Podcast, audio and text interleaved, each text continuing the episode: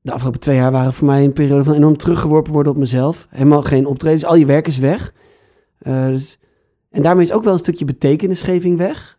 Uh, want ook al is het niet het belangrijkste wat ik doe, het is wel belangrijk. En het definieert me wel voor een deel. En mijn leven is voor een deel met de band op stap, in de auto, kijken waar je aankomt. Uh, met er zit ook iets van avontuur in. Weet je, s'avonds veel te laat naar huis, um, thuiskomen in een leeg huis. Um, of naar een hotel, naar een voorstelling en daar nog even met de band wat drinken. Voor het is ook, dat, is ook, dat geeft me ook energie. Dat is een, stukje van mijn levensvreugde is dat. En dat is gewoon in één klap totaal verdwenen. Je luistert naar de Niet Zo Perfecte podcast. De podcast waarin ik, Eline Hogeboom, soms alleen, soms samen met een gast, praat over een bezield en vervuld leven, ondanks dat het leven niet altijd perfect is. Want uit eigen ervaring weet ik dat dat kan. En ik praat er ook graag over met mensen die eerlijk hun verhaal delen, omdat ik geloof in de kracht van verhalen. Van harte welkom, leuk dat je luistert.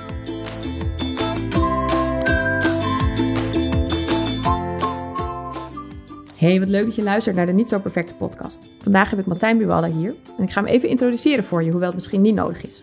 Martijn Buwalla is liedschrijver en zanger die probeert het leven te vangen in liedjes. Hij heeft sinds 2006 verschillende cd's uitgebracht en door heel Nederland concerten en voorstellingen gegeven. Naast dat hij optreedt met eigen werk is Martijn actief als liedschrijver voor andere artiesten en maakt hij de podcast Textuele Voorlichting. Martijn is getrouwd met Annemieke en papa van drie kinderen in de leeftijd van 10, 8 en 6. Ja. Hey, wat leuk dat je hier bent. Ja, dankjewel. Ja. Dankjewel. We zeggen maar meteen even beide, was de derde keer dat ik de intro opnam. Ja. Het is de niet zo perfecte podcast, dus we- Precies. daar zullen we er eerlijk Ja, over dat, zijn. dat- ja, dat doe je direct goed. Dat is, ja. Ja. Ja, dat is fijn. Hey, Ja. wat leuk dat je hier bent, Martijn. Ja, vind ik ook. Ja. Echt. ja, je bent ervaren podcastmaker. Ja, ik weet een beetje werkt. Ja, heel leuk. Dus we zitten hier achter onze microfoons. Mhm. Ehm, ik begin eigenlijk altijd de niet zo perfecte podcast met aan mijn gasten vragen: wat is jouw imperfectly perfect moment? Of misschien is het wel gewoon echt heel imperfect, is er niks perfect aan te maken Ja, van de afgelopen tijd. er is hier weinig perfect aan te maken. Ehm, ik moest direct, toen je de vraag stelde, denken aan een moment. eh, we waren aan het toeren met de band en er is een liedje in de set dat heet Kijk niet achterom. En ik begin dat met mijn gitaar. En dan begin ik te zingen en op een gegeven moment wordt dat driestemmig. En dan, daarna valt de band in. Nou, heel vaak gedaan. Gaat altijd goed, dacht ik. En ik zette in en ik begon te zingen. En ik vond dat ik, vond dat ik, dat ik al comfortabel kon zingen. Maar ik dacht, nou, dat is fijn. Ik ben lekker bij stem vanavond. En eh, op het moment dat we de, de, de stemmen kwamen erbij, ik dacht, nou, dit... Weet je, dan ben je zo niet bezig met dat het ook fout zou kunnen zijn. Maar wat bleek, ik had hem een halve toon te hoog, of te laag staan. Met mijn, eh, en dat, dat merk je niet totdat de band inzet in de juiste toonsoort. Dus Oh. een verschil van een halve toonsoort. Ik weet niet, als je luistert of je muzikaal bent, dan heb je enig idee hoe dat klinkt. Een soort lift die naar beneden stort. in een vol theater. Oh nee. En mijn reactie toen, en dat was misschien nog wel het meest imperfect, was dat ik boos naar mijn bandleden ging kijken. Want je dacht dat zij het wou deden. Ja, ik dacht, kom op jongens, een goede toonsoort. en Pieter, mijn bassist en mijn bandleider, die keek terug zo van... En die schudde zijn hoofd van, nee gast, jij, jij zit ernaast. Dus toen, ja, toen moesten we het hele liedje opnieuw doen. En moest ik toegeven dat ik dus degene was Het die ligt aan mij, voor een volle zaal, ja. Ja, dat was eh, redelijk gênant. Ja, heel gênant. En, en hoe heb je dat opgepakt? Heb je tegen de zaal iets gezegd van... Ja, ik heb tegen de zaal gezegd dat het aan mij lag. Ja, ja. Maar vooral dat ik, dat, ik, dat ik naar de kleedkamer liep na afloop en dacht... Mijn, mijn primaire reactie is dus boos naar anderen kijken als ik iets fout doe. Dat is, dat is zo niet charmant en dat Mm. is zo lelijk eigenlijk. Eh, ja, ik denk dat dat nog het ergste was van het hele moment. Je keek even in de spiegel. Ja, Ja. ja. Ja. Oh, en ik keek ja, een volle zaal mee. ja, ik voel hem wel een beetje in mijn buik. Het is inderdaad wel echt... Ja. Oh, al die mensen. Ja, Ja, ja, Heel, ja, echt, eh, ja heel, echt lelijk. Echt lelijk, ja. Maar ook wel iets wat je misschien, tenminste, ik herken het ook wel iets wat je in je gezin misschien wel eens doet. Als, hè, ik heb twee kids en dan hoe vaak je dan meteen niet roept van eh, als, als ze elkaar naar haren zitten, dat het wel in de ene zal liggen. Of weet je wel, Ja joh. je trekt heel snel conclusies. Ja, precies. En dat is ook wel een soort strategie om dingen te tackelen en door te kunnen. Maar het, is, het doet lang niet altijd recht aan de Nee. situatie van de mensen. Nee, nee.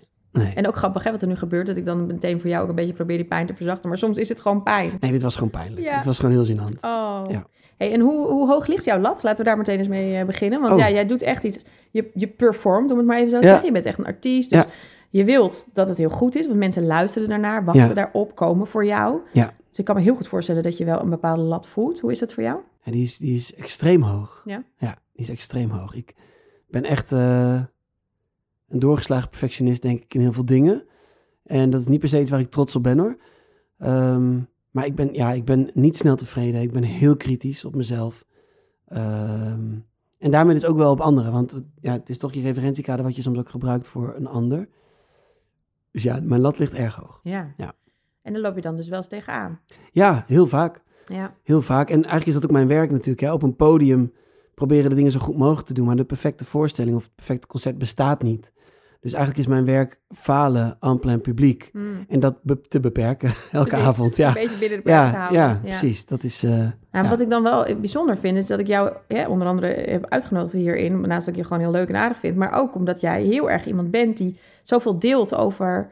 Ja, de voor, hoe zou ik het zeggen? De, de, de zwart-witte kanten, de voor's en tegens, de ups en downs. Dat, Hmm. dat breng jij heel mooi, al die tegenstellingen, in jouw teksten, in je liedjes. mhm. Waarschijnlijk schrijf je ze gewoon allemaal voor jezelf, als ik je dan nu hoor. Ja, een heel groot deel wel. Dus een heel groot deel van de liedjes zing ik ook voor mezelf.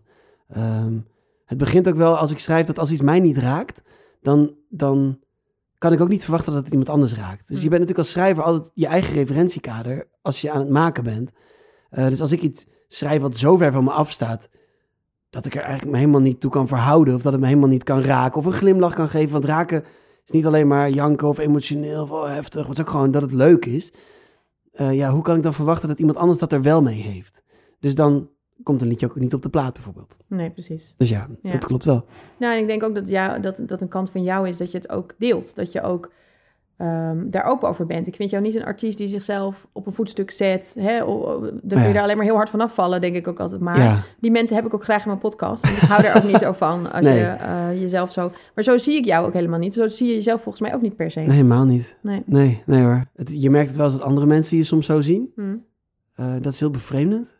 Mhm. Eh, inmiddels, ze je herkennen of je bekend bent. ja, dat ze je herkennen, dat je bekend bent, dat, ze- dat ze iets, dat ze iets, dat ze, of dat ze, vooral dat ze je dus denken te kennen. Hm. Ehm, en dat ze, omdat, eh, omdat het talent wat ik heb gekregen toevallig is liedjes maken en teksten en op een podium dingen eh, brengen, dat dat me boven anderen zou zetten of zo. En dat is natuurlijk alleen maar in letterlijke zin zo, omdat ik op een podium sta, sta ik boven wat mensen, maar dat is handig voor de zichtbaarheid. Dat is puur functioneel. In, in overdrachtelijke zin is dat natuurlijk helemaal niet zo. Eh, Nee, maar het is wel wat er gebeurt. Hè? Dat, dat doen we op een of andere manier met mensen die op een podium staat, staan. Ja. Dat we denken, ja, die, die staat inderdaad letterlijk, maar ook figuurlijk een beetje hoger. Die is zichtbaar. Ja, ik weet ook niet zo goed wat gebeurt er dan, maar die, die hemelen we toch een beetje op. Ja, dat is ook zo. En dat is een feit, dus daar heb je ook wel mee om te gaan. Dus ik vind niet dat je kunt zeggen, ja, maar ik vind dat niet terecht, dus doe ik er niks mee. Dat, nee, eh, het is, het is aan de hand, dus neem je verantwoordelijkheid. Als dat bij je werk past, neem dan je verantwoordelijkheid. En hoe doe je dat dan?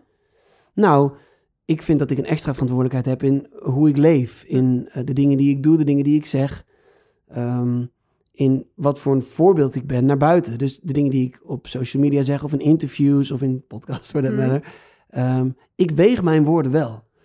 Ik ben geen flap uit, althans niet in die situaties. En dat is omdat ik vind dat als mensen de moeite nemen naar mij te luisteren, omdat ze iets van mij vinden, ehm, dan wil ik het goede zeggen en het goede doen. En het, het, eh, dat vind ik dan ook wel deel van mijn werk. Dat hoort Ja. er dan ook bij. Mooi, ja. Dus toch een soort verantwoordelijkheid van, van het in de, in de schijnwerper staan. Ja, Ik haakte net even op iets, want ehm, eigenlijk, ik ben van plan, we zijn er weer helemaal in het gesprek eh, beland. Maar ik heb een aantal liedteksten van jou eh, hier voor me liggen. Mhm. Die wou ik gewoon even met jou ehm, eh, doornemen. Om eh, daar je wat vragen over te stellen. Die, of ze iets over jou zeggen. Jij zei net, eh, dan ga ik even die ehm, eh, teksten bijpakken. Ja. Ja. het is verschrikkelijk. Er ligt hier allemaal papier. Dus jullie horen af en toe waarschijnlijk een blaadje met dus al die teksten. Maar ik ben helemaal niet gestructureerd met al mijn teksten. En het is dubbelzijdig geprint. Dus ik raak helemaal in paniek waar alles is. Maar ik ga gewoon zoeken. Volgens mij komt het goed. Ehm, het komt goed. Even kijken, dit is dit liedje. Eh, jij zegt net, en dat bleef even bij me haken. ehm, ja, ze denken mij te kennen. Ja. En er is een liedje, nou ik doe het maar even uit mijn hoofd, want ik zie hem nou even niet op mijn papier. Dat liedje is ehm, als eh, juist wat je doet in het, even in mijn woorden. Mhm. Jij moet hem even dan, hopelijk herken je hem, kun jij hem in jouw woorden Een soort zeggen? quiz wordt dit. Heb je, Ja, heb je inderdaad. ik wil ja. graag dat je weet uit welk liedje die dan Oh ja, leuk, En ja. uit welk jaar, en welke maand je hem hebt uitgebracht. Oh ja, is goed. En wanneer ik hem geschreven heb. Oké. Ehm, maar Wat dit is een win ik? liedje, alle, wat je in het onzichtbare doet, dat zegt juist heel veel over je, even in mijn woorden. Het zijn de dingen die je doet die niemand ziet die zeggen wie je bent. Welk Ja. liedje is het? De dingen die je doet. Zij, hij heet ook zo. Zo heet ja. Ja, ja. nou vond ik een heel mooi zinnetje. En jij zegt net, ja, mensen denken mij te kennen. Mhm. Wat is iets waarvan je denkt, ja, dit, dit kennen mensen eigenlijk niet van mij? Ehm, nou, als ze het niet van me kennen, heeft het een goede reden, want dan heb ik het dus niet verteld. Eh, ik, ik, ben, ik zeg altijd zelf, ik ben graag heel persoonlijk, maar nooit privé. Eh, en dat is, want dat is de grens voor mij. Eh, en kijk, er zijn wel grappige dingen die je niet, misschien niet van mij weet. Bijvoorbeeld dat ik een beetje Deens praat omdat mijn vrouw half Deens is. Oh ja? Ehm, bijvoorbeeld dat ik eh, het te leuk vind om naar darten te kijken op tv. Wat ik zelf heel, een heel suf iets vind. Maar Mm. dat vind ik, dat kan, vind ik soms zo lekker hersenloos, vind ik dat. En dat ik een enorme nerd ben als het om geschiedenis gaat. Ik lees me helemaal suf over de klassieke oudheid. Ja, Ja, ja, want ik heb jou laatst getroffen, hè? En, maar dat vind ik ook wel meteen, want ik begrijp heel goed dat, je, dat er bepaalde dingen zijn waarvan je zegt, eh, vind ik gewoon privé. Ja. Wil ik het ook wel even met je over hebben. Maar Ja, dat mag. eh, wij waren laatst op een conferentie eh, en daar zat jij heel eh, rustig, gewoon tijdens die conferentie, eh, de bio van eh, Erasmus te lezen. Ja, ja. Ja, te gek. Dat heeft echt jouw, eh, dat is jouw liefde. Ja, dat, je ja, dat vind ik heel leuk. Ja, ja, dit is dan toevallig een andere tijd, Erasmus. Ik, ik was nu een beetje bezig inderdaad met eh, eh, de 14e eeuw. Een boek gelezen over de 14e eeuw, toen Erasmus. Dus ik ben nu een beetje in die tijd eh, beland. Ik vind geschiedenis gewoon heel erg leuk. Is het Eh, gewoon puur interesse of ook dat je denkt, ik ga dit weer verwerken in iets of ik gebruik het als basis voor... nee, dit is, dit is echt voor mezelf. Ja. En ik, we hebben ook wel de afspraak thuis. Stel dat het ooit kan financieel, dan zou ik het heel leuk vinden. En ik denk Annemieke ook wel, eh, dat we allebei nog een studie zouden kunnen doen. Mm. Gewoon niet om voor ons werk of carrière, maar gewoon omdat het dan leuk is. Ja. Ik zou heel graag nog een keer geschiedenis willen studeren. Ja. Gewoon voor mezelf. Ja, heerlijk. hey, maar eh, nou ja, over dat, dat niet privé, want dat herken ik, dat, dat probeer ik zelf ook eh, te doen. Al, al deel ik denk ik meer dan jij. Ik heb wel eens ook gelezen dat jij je kinderen bewust niet deelt. Ja. Dat je zegt, ja, dat is hun, eh, hun privéleven. Hè? Ja. Ga je dat altijd blijven doen? Nee. Nou ja, zij worden op een gegeven moment komen zij op een leeftijd dat zij hun eigen keuzes maken. Ook over wat ze wel of niet op internet zetten, op welke Mm. social media ze gaan, dat soort dingen. En ehm, dan, als zij dan zeggen, pap, zullen we samen een foto maken? En dan zet ik hem erop en wil jij hem dan ook? Ja, te gek, weet je. Dat vind ik echt super tof. Ehm, ik was laatst met mijn oudste zoon bij een concertje. En we waren samen naar het theater. Super leuk. Hij is tien. En, eh, en dan maak je samen live muziek mee. En het was te gek. En ik had een, we hadden echt een leuke foto van ons. Die hadden we natuurlijk gewoon in de gezinsapp gegooid. Ehm, en toen dacht ik, oh, ik zou dit zo graag nu delen. Gewoon Hm? Omdat ik het zo leuk vind. En tegelijkertijd wil ik dat dan bewust niet. Want eh, hij kan er niet voor kiezen. Eh, er zijn best wel wat mensen die dat inmiddels zien op mijn social media. Want er is best wel een soort volgersgroep ontstaan. Hm. Eh, ja, en dat is... Nee, je wil echt dat het zijn keuze uiteindelijk is. Als je dat zou doen. Ja, dat, ja, dat zit erachter. En er zit, dat is een beetje een soort monstertje in mij. Ik heb hele hoge waarden. Dus ik denk dan direct, oké, Matt, wat zou je ermee willen bereiken? Wat is nou eigenlijk je doel? Wat, als je heel zuiver bent, wat is dan je agenda met zo'n post? Dus ik ben dan al in mijn hoofd al. En dan denk ik, ja, kijk, één foto van mijn gezin of van mijn kinderen, die vind ik best goed gelukt zijn. Eh, Gelukkig. en het regent likes en comments. En ik heb waarschijnlijk een van de best scorende posts van die maand. Want zo werkt het nou eenmaal. Hm. Dat, doen, dat doet privé-informatie met mensen die je als artiest volgen. Dus het zou heel makkelijk zijn als ik even denk... Oh, ik heb weinig content of weinig om te delen. Nou, even je gezin erin. Hè? Ehm, en dat vind ik verschrikkelijk. Ja. Da- Ja, dus jij, jij bevraagt komen. jezelf op zo'n moment ook heel erg van waarom zou ik dit nu de- nu delen? Is het zuiver? Ja, dat is super vermoeiend hoor. Het Maar is wel vermoeiend, maar ook wel, eh, wel mooi. Jij deelde net vooraf eh, aan de podcast waar we even het kletsen van eh, dat je helemaal niet van selfies houdt. nee. Heeft dat daar dan ook een beetje mee te maken? Ja, dat heeft ook een beetje te maken met... Dan moet je naar mij gaan zitten kijken of zo. Ik weet het niet. Ik, eh, ehm, Maar is het omdat je denkt dat mensen dat niet interessant vinden? Of je vindt Ja. het zelf gênant? Ja, dan, dan, dan scrollen mensen door hun tijdlijn en dan zien ze mij, een hoofd of zo. Ik, ik heb ook al tijden, sinds na mijn tweede cd heb ik bijvoorbeeld ook nooit meer op de voorkant van hoesjes mijn eigen foto gedaan. Er zijn altijd tekeningetjes en dat soort dingen. Ik, ik vind het niet zo interessant. Ehm, eigenlijk. Is dat ook een manier om je niet te laten meeslepen in het, het jezelf wel belangrijk gaan vinden omdat je op een podium staat?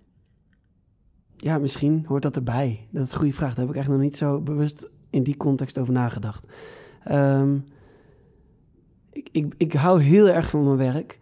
En natuurlijk zit er een ego in mij wat het heerlijk vindt om gezien te worden, om het applaus te krijgen, om ehm, de lof te krijgen voor wat ik doe. En, en als mensen zeggen, oh, ik vind het helemaal te gek. En ik merk dat het steeds meer mensen worden. Natuurlijk doet dat me goed. Ik ben, ik ben niet van steen.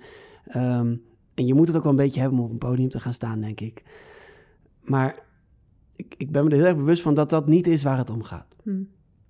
Nee, en het heeft denk ik ook mee te maken dat het uiteindelijk niet eh, je identiteit bepaalt of je Nee. waarde over jezelf. Zo, hè? precies, precies. Maar dat kan best eh, een lastige lijn zijn soms. Als je inderdaad Ja. wel, je, ja, je krijgt applaus, je krijgt Ja. Ja, En inderdaad, wat je zegt, je bent niet van steen, maar je hoeft er ook niet ongevoelig voor te zijn, want je mag gewaardeerd worden om je talenten. ja nee, absoluut. Maar daarom vind ik dus wel ook het mooie dat je een liedje hebt van het gaat juist om de dingen die je doet die niemand ziet. Ja. Want er wordt juist geapplaudisseerd voor ja, dat wat we zien. En ik denk ook dat daarom mensen ook ja, hè, opkijken naar mensen op het podium, want die krijgen dat grote applaus. Ja, En dat mensen die soms wat meer in de luwte werken of een gewone baan hebben, wat Ja. gewoon vaak heel waardevol is, zeker. denken, ja, wat, wat doet dat er dan? Wat draag ik dan bij? Of wat doet dat er dan toe?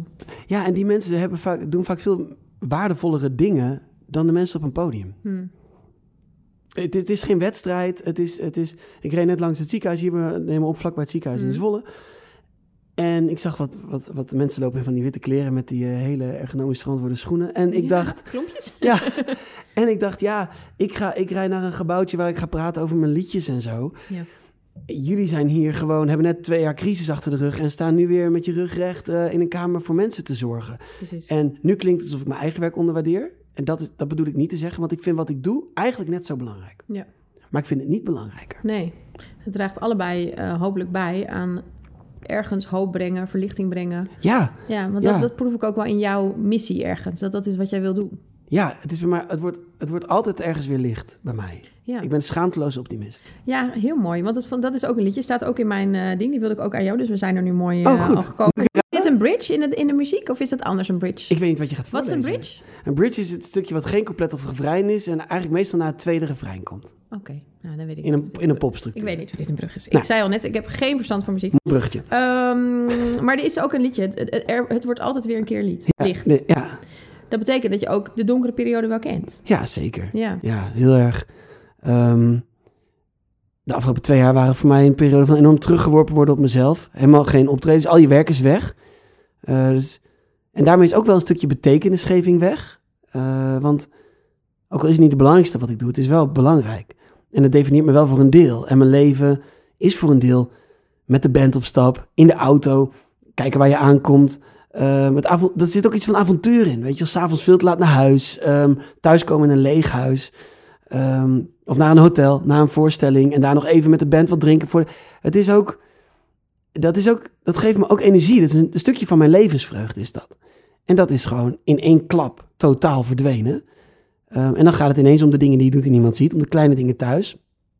En in, die, in dat liedje zit ook dus in het, het kleine dat de grootste moeite kost. Dat waren de afgelopen twee jaar. Heel veel hele kleine handelingetjes, gewoon in je gezin, gewoon in je, die dan uiteindelijk de grootste moeite kosten. Ook omdat de balans totaal weg is tussen waar je energie van krijgt en waar je energie aan het geven bent. Dus ja, dat, dat, dat emmertje ging eh, heel leeg en dat, dat, die- dat level ging diep in het rood. Ja. Ja, dat is. Het is wel echt donker geweest af en toe. Ja. eh, en toch. Eh, ja, ben, ik- ben, sta ik rechtop en heeft het me er nooit in dusverre ondergekregen dat ik eh, de handdoek heb geworpen. Of, ja. En Ja. wat maakt dat, dat, dat dat niet gebeurde? Dat is voor een deel mijn geloof, denk ik. Er is een soort bodem in mijn bestaan. Wat, waar ik altijd, wat altijd vaste grond blijkt te zijn weer. Ehm Annemiek is daar een heel belangrijk onderdeel van. Zij is... Ja, ja, ze betekent heel veel. En ehm, zij is echt mijn tegenover. Zij is echt de hulp die bij mij past. En ik ben ook de hulp die bij haar past. Dus dat, dat is...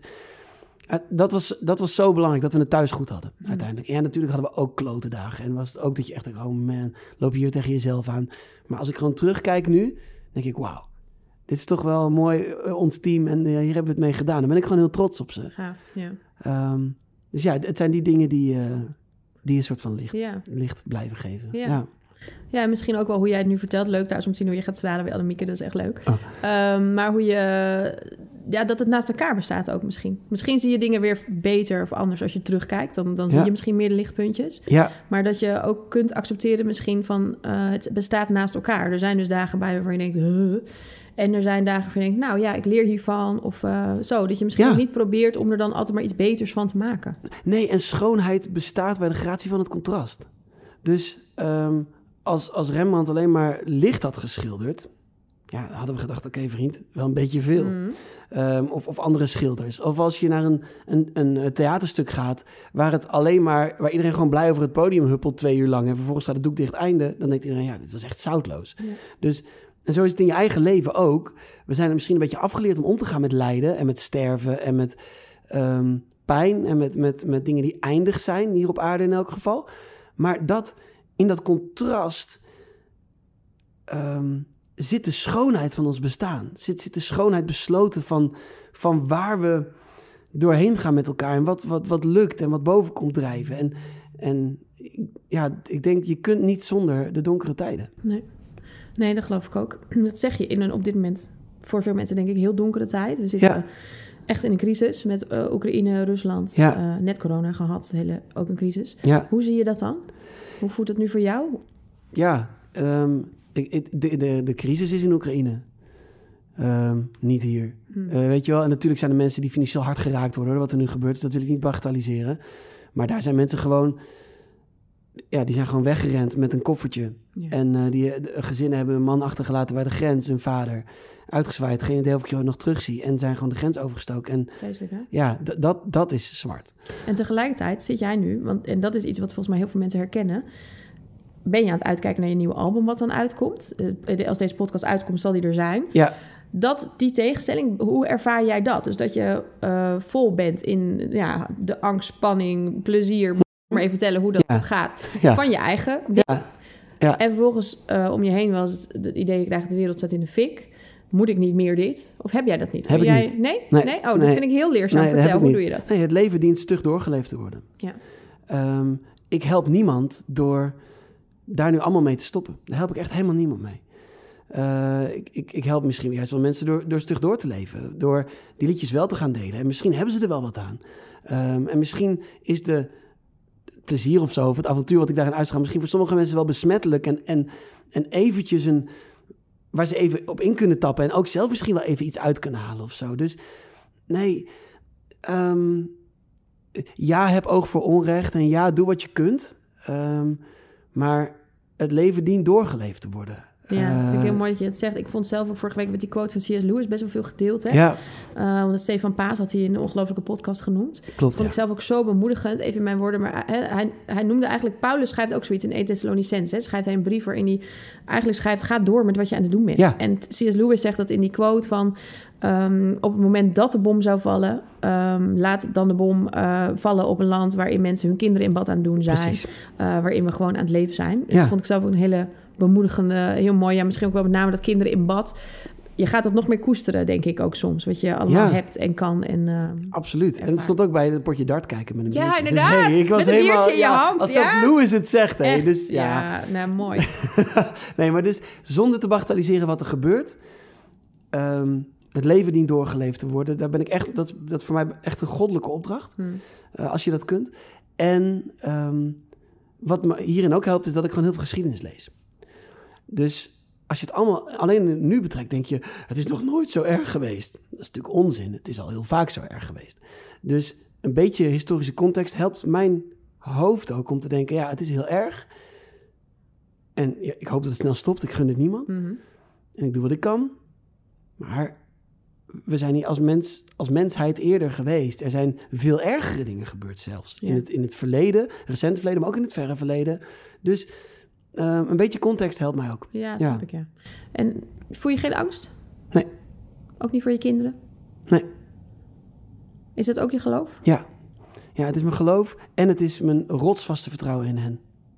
In je kinderen ook? Ja. Ja, Als de, als, de, als, de, als de wereld iets kan gebruiken in de toekomst, zijn het de kids. mooi. Wat geef jij hun specifiek mee? Wat, wat, want je hebt net over, ik heb hele sterke waarden. Mhm. Dus die geef je ongetwijfeld in je opvoeding ook mee. Ja, Wat is dan een belangrijke waarde die jij bijvoorbeeld meegeeft? Eerlijkheid vind ik heel belangrijk. Dus ehm, eh, je, mag, eh, je, mag, je mag dingen fout doen. Maar, het, het, zeg maar je hebt er altijd baat bij bij ons als je het eerlijk opbiecht. Als we erachter komen en je hebt het verzwegen, dan ben je aan de beurt. Ja. Eh, en natuurlijk heeft, kan het ook consequenties hebben als je het wel opbiecht. Maar het is altijd milder. Dus ik probeer te belonen dat het, dat het werkt als je dingen eerlijk zegt. Ehm, maar ook gewoon een stukje autonomie. Dus, dus je bent van jezelf. Ehm, dus als kinderen ouder worden, komen ze ook in processen met, met andere kinderen in de groep. En hoe werkt het dan? En waar sta ik dan? En hoe, eh, dat vind ik hele waardevolle gesprekken om met ze te voeren. Van oké, want ik snap heel goed de behoefte om sociaal goed bij te horen en dat soort dingen. En ehm, dan zijn er soms lastige situaties ineens. Maar hoe, Waar, waar zit je waarde in? Van wie ben je? Eh, ben je van jezelf? Ben je van... Nou, er zit ook een stukje geloof in.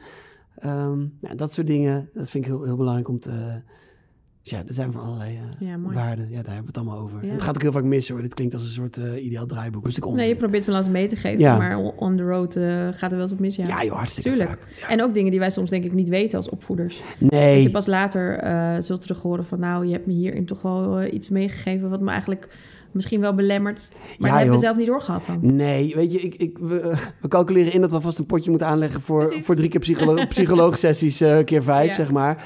En dan komen ze daarna bij ons, en hoop ik, Ja, hoop ik dat ze zeggen: Hé hey, papa en mam, dit was niet oké.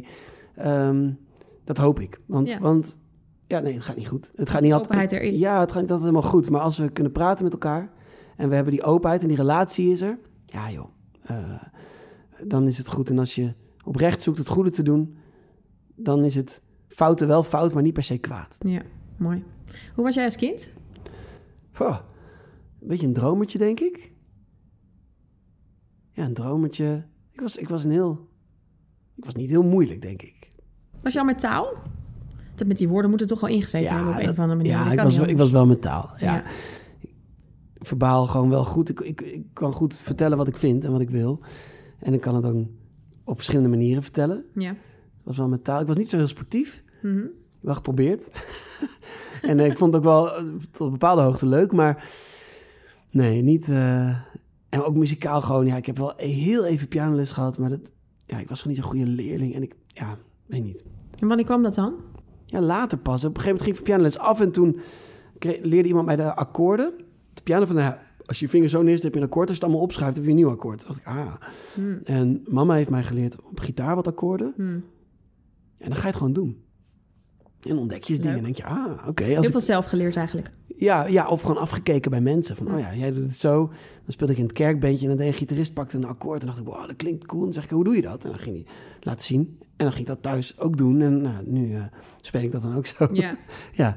heel leuk. Ik vind ook de diversiteit in jouw muziek zo... eh, eh, ja, soms is het heel licht, soms is het heel... Daar zitten ook al die, ja, die tegenstellingen wel Ja. een beetje in. Ja, heel mooi. Ja. hey, nog een liedje. Is niet van jou. Oh, maar ik heb met veel plezier naar jouw podcast Textuele Voorlichting geluisterd. Dus Leuk. laten we daar meteen even noemen, want het is aanrader. Terwijl ik dus helemaal niet zo... eh, nou, ik, ben, ik luister muziek, maar ik ben er helemaal niet... Ik heb niet veel verstand van. Het is echt... Vind ik soms wel eens een gebrek, maar dat komt echt door mijn reventorische opvoeding, waar wij Echt? natuurlijk, eh, ja, waar je natuurlijk heel beperkt in die zin wordt opgevoed. Ik mocht eh, geen andere, ik luisterde stiekem bovenaan Radio 538 op mijn stereotoren. Ja, Eh, waar Jomanda destijds nog op zondagavond was. En Oh, eh, weet ik, het nieuws had een of ander programma. ja, ja, dat vond ik al heel spannend. Maar deed ik allemaal stiekem. Ik heb zelfs stiekem naar de Eeuw Jongerendag geluisterd op mijn stereotoren. oh, dat, maar dat mocht ook Nee, niet. was best... eh, ja, ik, nou ja, het hoeft niet heel erg over mijn opvoeding te gaan... maar ik heb een beetje gemixte opvoeding gehad. In die zin dus wel reventorisch... maar ook wel heel erg weer open, hoor. Dus het was niet Mhm. dat het alleen maar... maar nee, dit soort dingen mochten niet. Wat luister je nu dan? Ellie en? Rickert heb ik bijvoorbeeld, dat is nog wel een leuk verhaal. Eh, ik heb Ellie en Rickert CD van oom en tante gekregen. Daar kreeg ik ook de Barbies van. Een beetje de dingen die ik eigenlijk niet mocht, maar Oh, dat ja. werd wel toegestaan. Ehm, en mijn, die CD heb ik altijd, nog steeds heb ik hem. Eh, en toen werd mijn auto gejat. En daar zat mijn CD van Ellie. Rickert in. Ja, en ik vond het allerergst dat mijn auto Ja. met die CD erin was gejat. En mijn auto is weer teruggevonden. Maar zonder die ik had CD? mijn eh, met CD. Oh, wat goed. Dus ik was gewoon het meest blij met mijn Ellie Rickert CD in die auto. Want, ja. Maar even eerlijk, zit hij in de auto voor je kinderen of voor jezelf? Nee, toen had ik nog geen kinderen. Dat is al echt een paar jaar geleden. Ze draaien hem echt En er zelf. zitten nu zoveel krasjes in dat hij niet meer te draaien is, maar ik bewaar hem wel.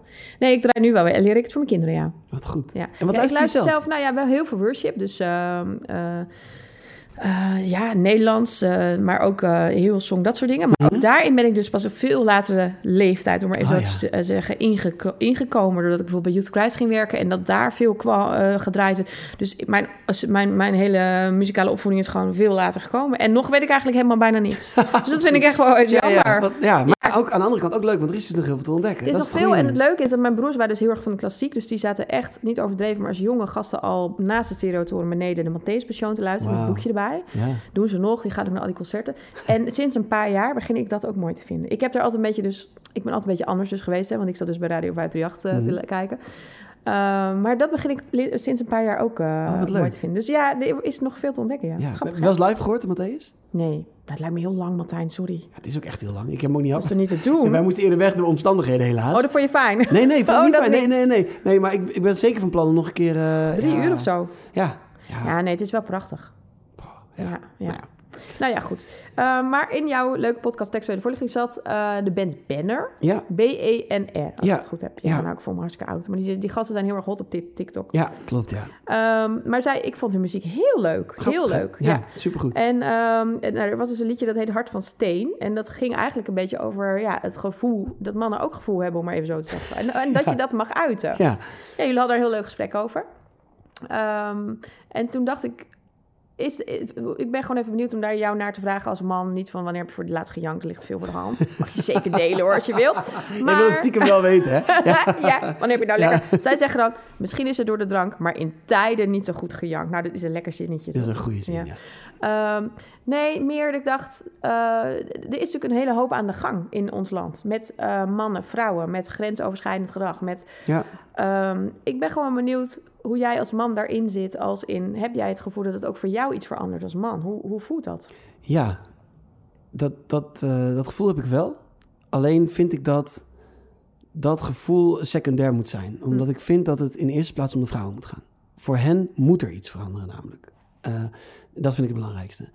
En ik ben iemand, als ik mensen goed ken, dan geef ik een knuffel en dan eh, leg ik even een hand op iemands schouder. Ik ben in die zin best wel aanrakerig. eh, niet bij iedereen, maar... eh, want dat, dat vind ik... Ik ben fysiek, zeg maar. Mm. Zo, ja, daar ben ik dan. Ehm, en ik merkte toen de, ook de anderhalf meter eraf ging, want dat, was natuurlijk, dat ging een beetje samen op. En toen kwam dit helemaal naar, naar, ehm, naar de voorgrond. De hele, toen dacht ik, oh ja, nu...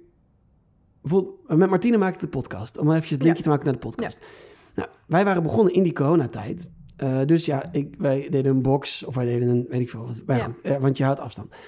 En, eh, maar met iemand wie ik al zo lang werk of zo, die geef ik op een gegeven moment een knuffel. Want ja, tenzij die persoon het niet fijn vindt. Maar dat is, dus ik heb dat haar een beetje uitgeprobeerd te leggen. Van ja, vind je het dan vervelend als ik, want normaal begroet ik mensen zo. En ik dacht, oh ja, ik zou hier nooit over nagedacht hebben als niet dit hele, nou met eh, wat rondom de voice speelt, maar ook in veel bredere context natuurlijk aan het licht is gekomen, had ik nooit die vragen gesteld. Ik merk dat ik af en toe wat zoekender ben. Ja. Ehm, ook toen ik net bij jou naar binnen liep, hier beneden, dacht ik, oké, hoe ga ik je begroeten? En dat is een bewust moment. Ja.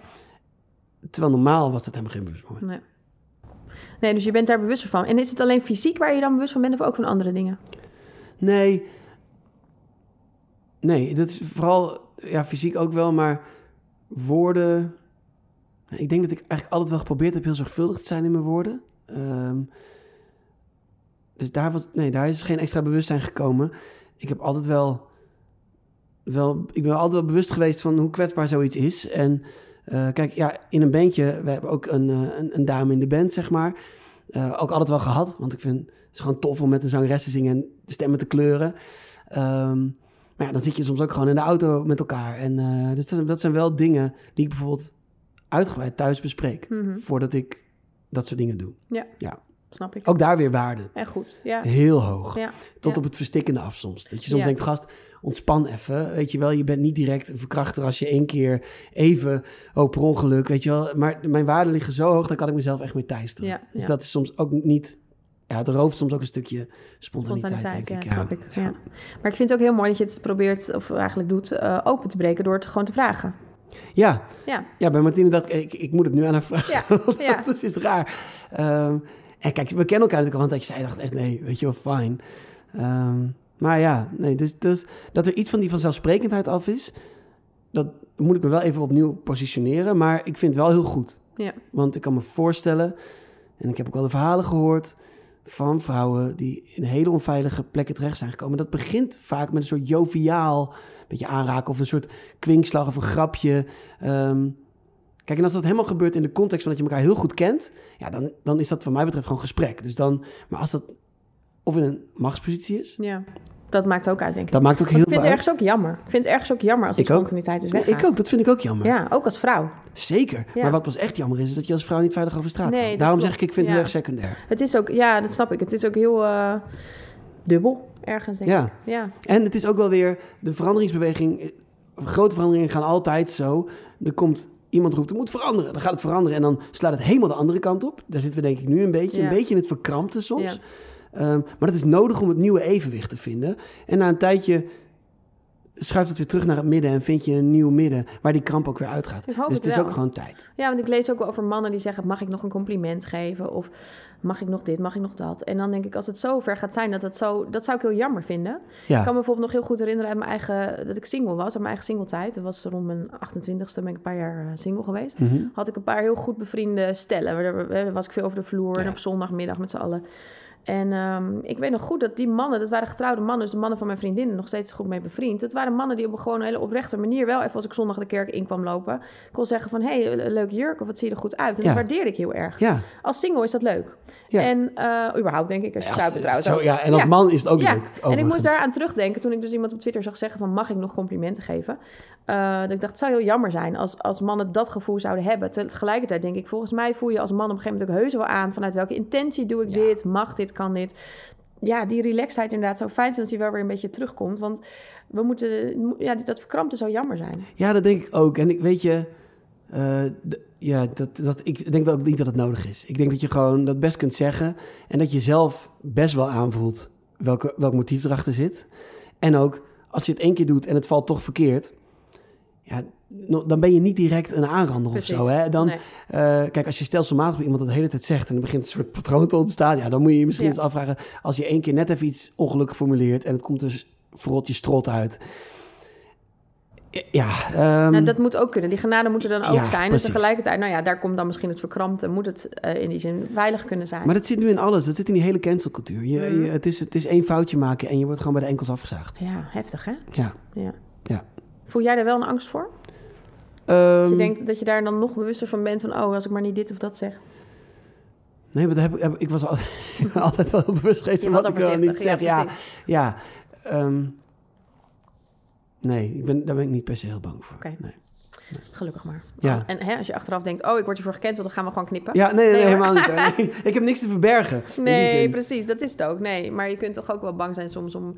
iets verkeerd misschien te zeggen. Of, eh, ja. Maar hopelijk Nee, is wat- er dan toch nog wel een beetje genade. In die zin vind ik de cancel culture veel te heftig. Vind ik ook. En, Ja. en wat ik, wat ik ehm, ja, wat, wat erg zou zijn, is als, je, als er iets onterechts wordt gezegd en je bent eigenlijk sta je direct 10-0 achter en je kunt je niet meer verdedigen. Dat, dat, lijkt, me, dat lijkt me heel zwaar. Ja. Dat, ehm, maar ik ken mijn hart, ik ken mezelf. Eh, de mensen om me heen, ook de vrouwen met wie ik werk en met wie ik nou, getrouwd ben met Annemieke, eh, die, die kennen mij. Ehm, zij zijn mijn referentie. En ik heb van hen altijd gehoord van... hé, hey, nee, ik we vinden het juist heel tof. En het is, weet je wat, is... Maar dat af en toe checken is misschien wel een mooie en ook een goede. Voor, eh, ik wil het ook altijd maar een beetje praktisch maken. Maar om, om gewoon open te zijn. Om Ja. te vragen van, hey, eh, vind je dit oké? Kan dit? Ja. Ja, en, we- Ja. en dit is ook thuis gewoon een gespreksonderwerp bij ons geweest. Toen dit hele The Voice eh boven kwam. Wat toch ook een beetje mijn wereldje is. De Mhm. muziekwereld, de muziekindustrie en mensen die daar rondlopen. Ehm, nou ja, dat is toch ook wel eventjes van... hé, hey, hoe zit het, weet je, hoe, hoe sta je erin? Wat doet het met je? Hoe Ja. kijk je ernaar? Ja, daar hebben we het gewoon over gehad. Ja. Ja. En ben jij dan ook wel eens in omgevingen geweest waarvan je dacht, hmm, ik voel het niet goed hier? Ja, ja hoor. Ja. Ja. En wat deed je dan? er in ieder geval niet aan mee. Mhm. Ehm, en soms, soms blijf je, soms weet je het ook pas achteraf.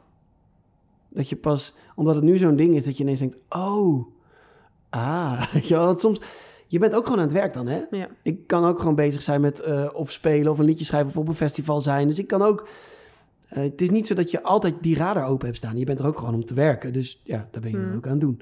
Eh, dus nee, ik heb niet, maar ik heb niet iets zien gebeuren waarvan ik Mhm. actief dacht op dat moment, dit is Maar niet meer goed. dat je voelt dat de hele sfeer een beetje zo is of zo. Of dat Het zweertje van ah, het flutterige Ja, en het... precies. ja, ja, ja, Ja. tuurlijk. Ja, Ja. tuurlijk. Ja. Ja. Dat is ook wel een beetje podium eigen. Hmm.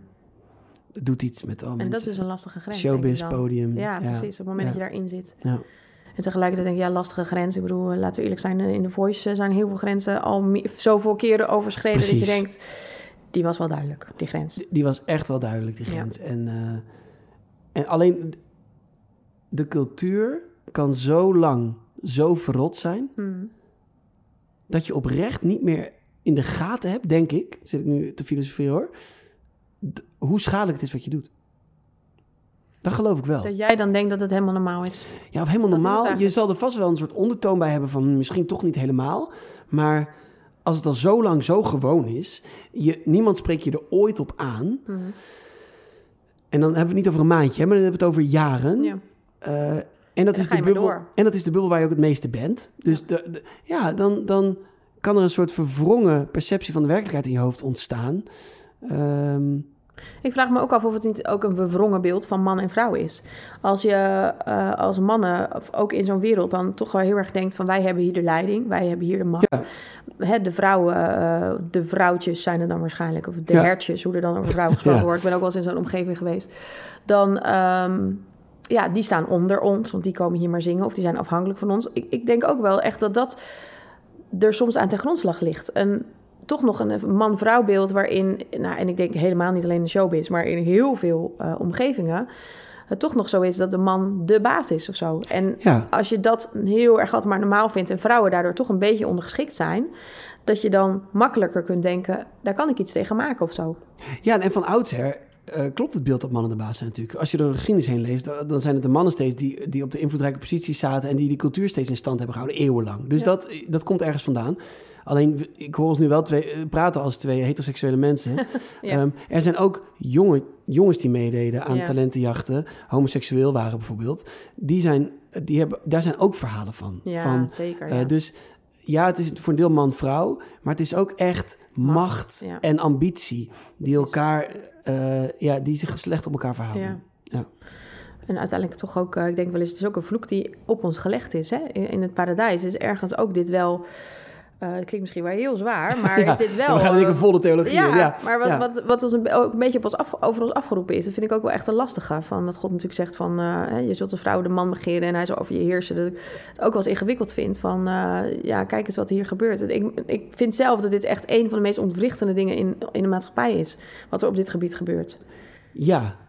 Ja, En dat, dan denk ik, ja, dus ja. die vloek is in die zin eh, goed doorgekomen. Ja, ja, ik, ja ik, ik weet niet zo goed hoe ik, hoe ik Genesis moet lezen, maar ehm, het- er is in ieder geval duidelijk een probleem op dat gebied. En eh, ik vind dat vind ik echt een van de grote problemen. En ik vind een van de grote problemen gewoon eh, gezinnen die daar ook uit elkaar spatten.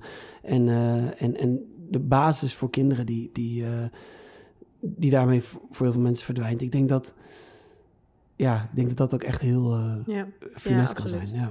Nou, we gaan het niet bij de vloek houden natuurlijk, want jij bent van het licht dat doorbreekt. En jouw eh, liedjes, en dat vind ik ook gewoon zo mooi. En dat vind ik ook wel mooi, heel erg mooi passen dat we zitten in de 40 dagen tijd. We gaan weer ja, richting Pasen. Dat is voor mij, hè, dat is de, het doorbreken Ja. van de vloek natuurlijk. Dus Ja. ik bedoel, we hoeven hier helemaal niet bij te blijven. Gelukkig, echt dankzij, eh ja, godzijdank wil ik eigenlijk ervoor zeggen. Mhm.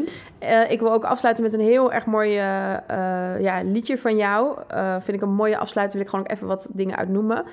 Leuk misschien ook voor jou om te weten. Eh, wij zitten hier in het gebouw waar ook eh, onder andere Lume eh, zit. Een mooi vrouwennetwerk. ja. Zij vertelde dat op een weekend van hun waar veel vrouwen mee zijn geweest... is dit liedje voor hun heel erg belangrijk geweest. Oh. Het heeft heel veel vrouwen aangeraakt en gemotiveerd. Dus ja, nou ja, ook weer even voor jou Ja, mijn ging dat het leuk. zeker relevant is wat jij doet. Ehm, dat is het liedje Vuur. Oh ja. Nou, ik, ik noem maar even wat dingen uit, Ja. want het is prachtig. En ik zou zeggen, iedereen die luistert, luistert zelf eventjes. Ik ben niet tot hier gekomen om de handdoek in de ring te werpen. Ik loop de kans dat ik mijn hart breek, dat ik terugkom met een tas vol scherven. Maar ik sta liever ergens voor, dan overal maar steeds voor weg te rennen. Ik dacht, wat heb je aan een leven als je niets meer voor hebt om voor te sterven? Dus als er nog vuur in je zit, laat het branden. Nog heilig vuur in je zit, laat het branden, tot iedereen het zit, ziet. Ja. Ja, prachtig. Nou, dankjewel. Ik vind het zo mooi, ja. Ja, fijn. Welk vuur voel jij? Waar ga jij voor de komende tijd? Ehm, ja, we we gaan weer toeren in het Ja. najaar. Even schaamteloze reclame. Nee, doe, Rese- doe. reserveer, je plekken. Ja, Eh, kijk op martijnbewallen.nl. Een speellijst. Eh, er komt een nieuwe plaat uit, de 14e. Dus ik, het, het, Noem even hoe die gaat heten. Iets met bang. Bang voor niks. Bang voor niks, ja. Ja, de plaat gaat Bang voor Niks heten. En de tour dus ook, want dat hoort er dan bij. Dus we gaan alle liedjes daar spelen en ook wat oude liedjes. Daar kijk ik heel erg naar uit. Weer het theater in, met de band op pad. Eh, Is je band nog intact? Want ik Ja. kan me ook voorstellen de afgelopen twee jaar dat ze zijn uitgevlogen, maar dat is Nee, zo. ja, ze hebben wel allemaal losse dingetjes ook gedaan. Eh, eentje bleek ook een handige klusser te zijn. De andere Oh ja? is, eh, is podcast gaan editen. En, eh, dus dat maar uiteindelijk is er ook bij hem wel het vuur wat brandt voor, voor het maken van muziek. En het, het delen van iets van kunst of mooiheid en, ehm, op een podium. Dus, en we hebben het, het, is samen, het is heel erg leuk met elkaar. Dus ik, ik zie ook gewoon uit naar... We hebben altijd zo'n carpool schema. Hmm. Dat maakt maar Rutger dan, onze gitarist, zegt, ja, die rijdt dan met die. mee. Ja. En dan dus dat je elkaar ophaalt en dat je... eh, soms zit je in een hotel, soms... Het is...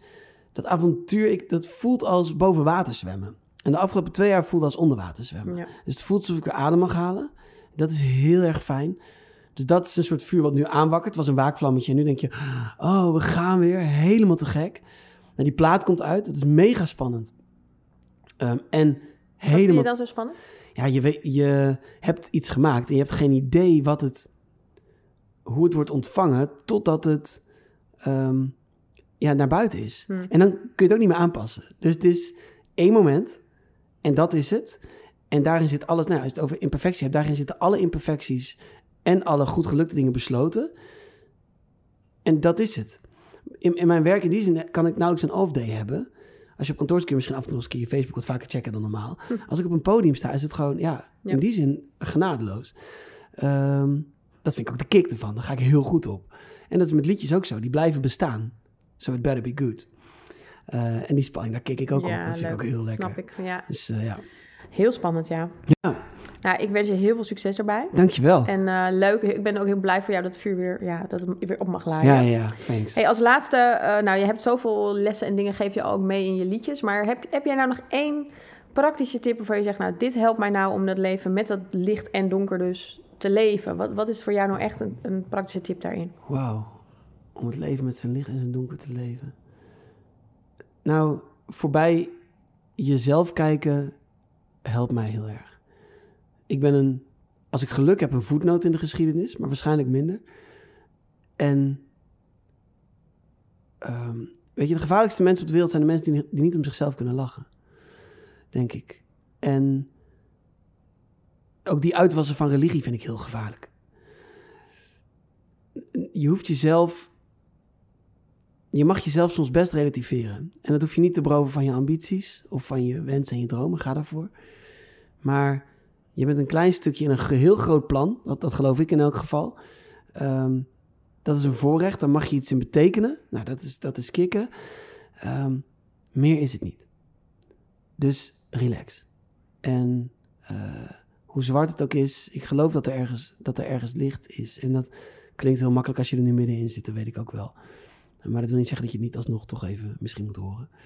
Eh, dus probeer wat meer voorbij jezelf te leven, zou ik, als, zou ik, zou ik dan zeggen. Ja, Ja. mooi. Dankjewel Martijn voor dit leuke gesprek. Ja, wederzijds. Graag gedaan.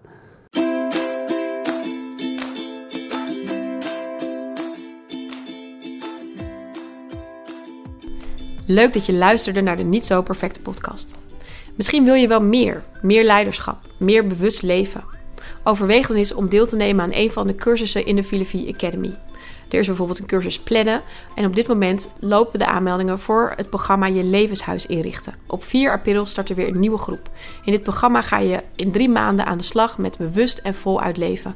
Met leiding nemen in je eigen leven. Kijk op filofie.nl slash academy voor alle cursussen die we op dit moment aanbieden.